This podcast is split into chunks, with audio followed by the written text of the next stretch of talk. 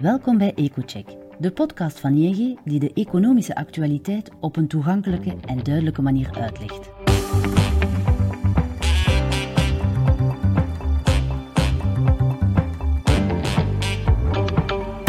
Om de twee weken buigen onze economen zich over de meest besproken gebeurtenis en analyseren zij de economische en financiële gevolgen voor u of uw onderneming. Vandaag is uw gastheer Wouter Thierry, econoom bij ING.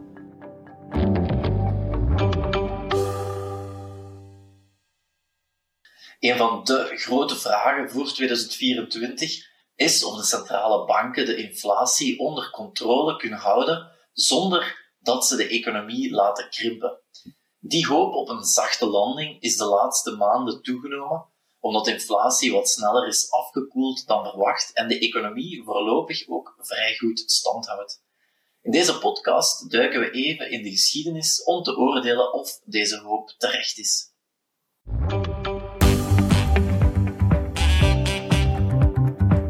We luisteren naar de analyse van Wouter.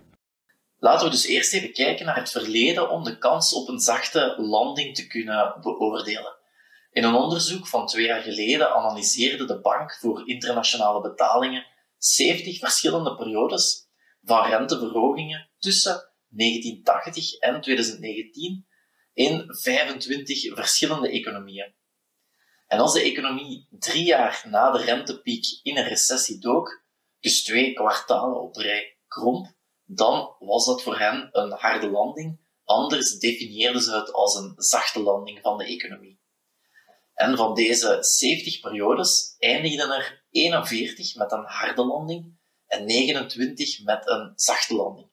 Het lijkt er dus op, als we naar de geschiedenis kijken, dat aanzienlijke forse renteverhogingen vaker gepaard gaan met een harde landing van de economie dan met een zachte landing.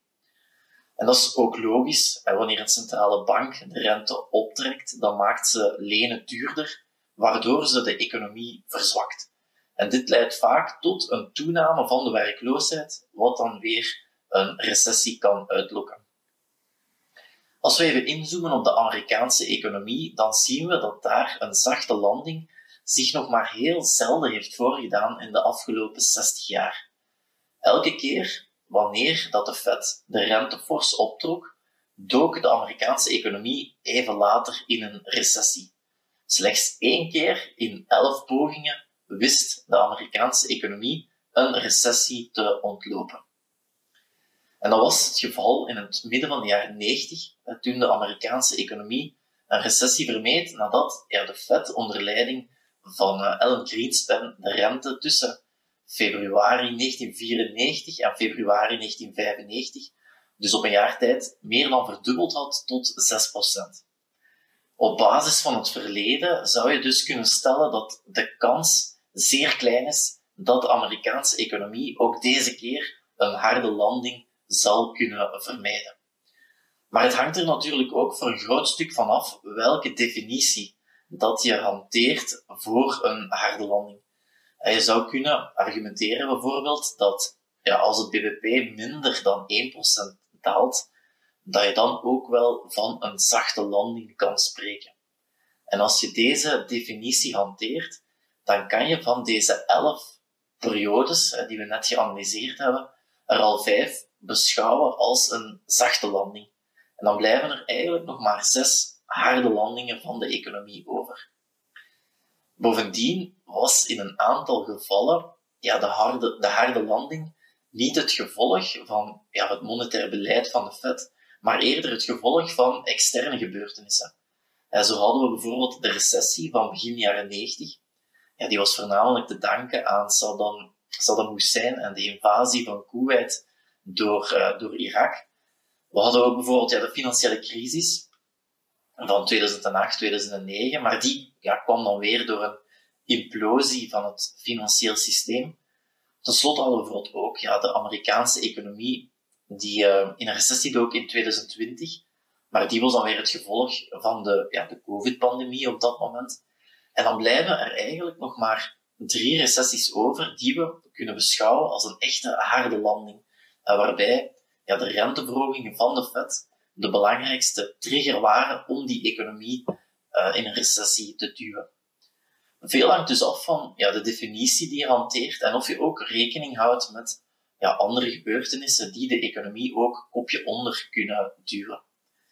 Wat het verleden ons leert, is dus dat het zeer moeilijk is om de economie zachtjes te laten landen, maar dat het zeker mogelijk is. De Amerikaanse centrale bank is hier effectief al een aantal keren in geslaagd. En op basis van deze historische analyse zouden we nu ook kunnen kijken of er factoren zijn die de kans op een zachte landing vergroten. En of die factoren vandaag ook van toepassing zijn. En een belangrijke factor die de kans op een zachte landing vergroot is hoe hoog het vliegtuig vliegt voordat het aan de daling begint. En met andere woorden, hoe sterk dat de economie is wanneer dat de rente wordt opgetrokken. En in de huidige context was dat heel lang moeilijk inschatten. vlak na de pandemie waren de economische data sterk vertekend door de heropleving en door de verstoringen in de wereldwijde aanvoerketens, die natuurlijk ook het gevolg waren van die COVID-19-pandemie. En daarom was het lang heel moeilijk inschatten hoe sterk dat de Amerikaanse economie nu echt was. Amerikaanse, Amerikaanse consumenten hebben tijdens de pandemie heel wat spaargeld kunnen opbouwen. En eenmaal de pandemie achter de rug was, zijn ze die spaartegoeden beginnen uitgeven, wat de Amerikaanse economie een boost heeft gegeven het afgelopen jaar. Daarnaast werd die Amerikaanse economie ook vooruitgestuurd door de Inflation Reduction Act. Dat is een groot overheidsprogramma waarbij ze investeringen, uh, veel investeringen doet in hernieuwbare energie, in infrastructuurprojecten en in Amerikaanse industriebedrijven. En dat heeft het afgelopen jaar ja, de economie ook zeker een, een sterke boost gegeven. Dus ondanks de forse renteverhogingen heeft de Amerikaanse economie dit jaar zeer goed gedaan en veel beter dan iedereen bij de start van het jaar had, uh, had verwacht. Toch denken we dat de Amerikaanse economie de komende maanden sterk gaat vertragen. Uh, die spaaroverschotten die veel gezinnen hadden opgebouwd tijdens de pandemie, zijn ondertussen volledig opgesoupeerd. De rente op kredietkaarten en leningen is ondertussen heel sterk gestegen. En bovendien moeten ook veel Amerikanen sinds oktober opnieuw hun, hun studielening terugbetalen. Langs de andere kant wordt die Amerikaanse economie ook ondersteund door een arbeidsmarkt die het wel heel goed blijft doen. En dat bleek ook begin december, toen het arbeidsmarktrapport voor de maand november werd gepubliceerd. En dat rapport toonde dat de arbeidsmarkt nog altijd relatief sterk oogt in de VS. Het werkloosheidspercentage is zelfs lichtjes gedaald uh, in november. En zeker in een aantal sectoren, zoals bijvoorbeeld in de gezondheidszorg en de publieke sector, werden er opnieuw flink wat extra banen gecreëerd in november. En die ja, arbeidsmarkt die nog steeds heel krap is, die zorgt ervoor dat die Amerikaanse economie waarschijnlijk wat minder sterk zal terugvallen de komende maanden. Dus het ziet er naar uit dat de Amerikaanse economie wel degelijk een zachte landing zal kunnen maken. Eh, de inflatie daalt er nu ook veel sneller dan verwacht, waardoor de Fed de rente ook sneller opnieuw zal kunnen verlagen uh, in 2024. En dat vooruitzicht alleen al heeft ja, de lange termijnrente zo naar beneden geduwd de afgelopen weken. En dat heeft de economie opnieuw wat extra zuurstof gegeven. Dus we denken wel dat, ja, we denken wel dat de Amerikaanse economie de komende maandjes, maanden sterk zal vertragen.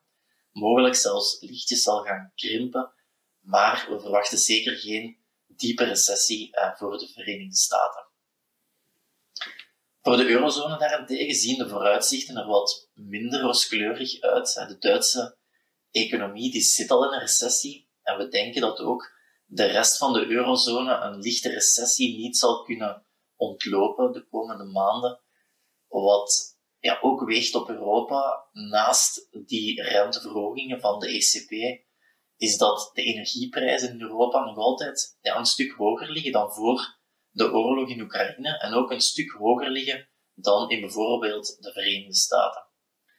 Daarnaast zien we ook dat de voorraden in de industrie nog steeds relatief hoog zijn. waardoor ze de volgende kwartalen waarschijnlijk ook wat minder gaan produceren om die voorraden terug te gaan afbouwen. En tot slotte zien we ook dat ja, overheden in Europa de groei waarschijnlijk volgend jaar wat minder gaan stimuleren.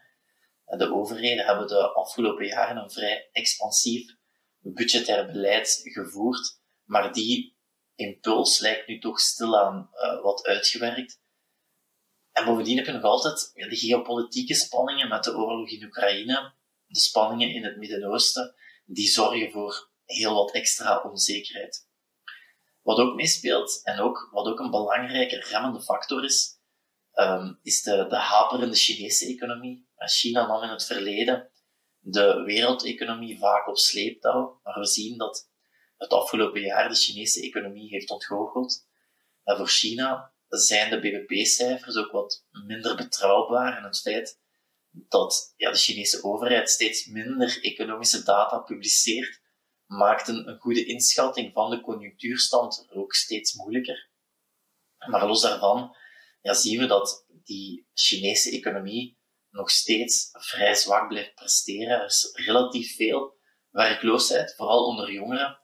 En dan heb je ook nog ja, de aanhoudende problemen in de vastgoed- en de bouwsector, die ook sterk wegen op het sentiment in, in China. Al die factoren samengenomen denken we dat de eurozone, die in het derde kwartaal van uh, eh, 2023 al lichtjes is gekrompen, ook in de winterkwartalen waarschijnlijk opnieuw wat verder zal krimpen.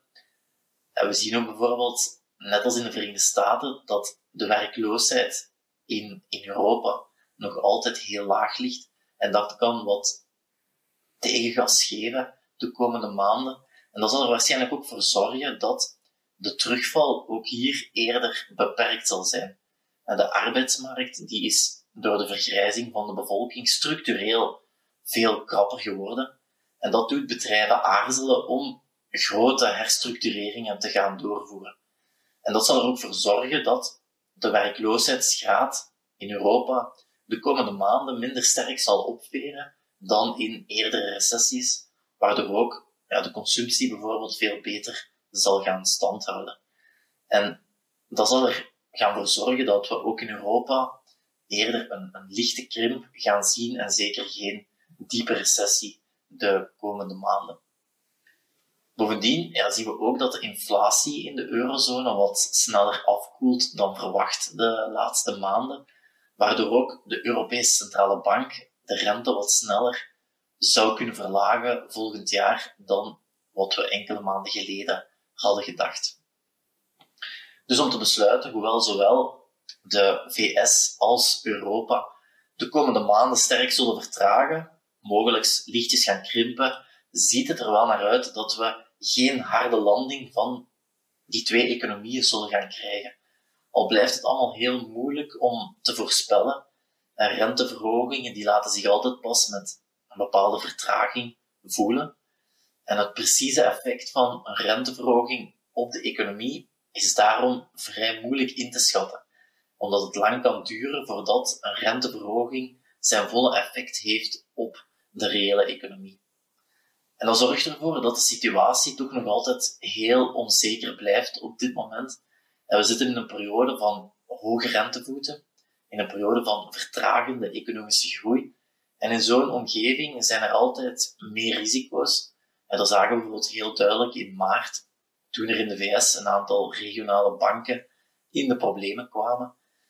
De Verenigde Staten heeft die klap toen uh, goed doorstaan, maar het toont wel aan dat er nog altijd heel wat risico's zitten in het uh, wereldwijde financiële systeem door die renteverhogingen van de centrale banken.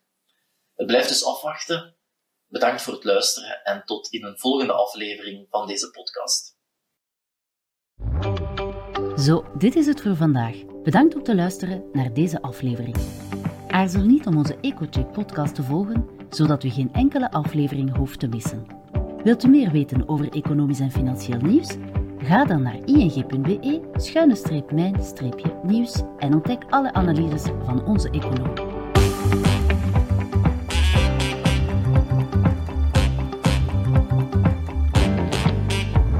Graag tot de volgende aflevering.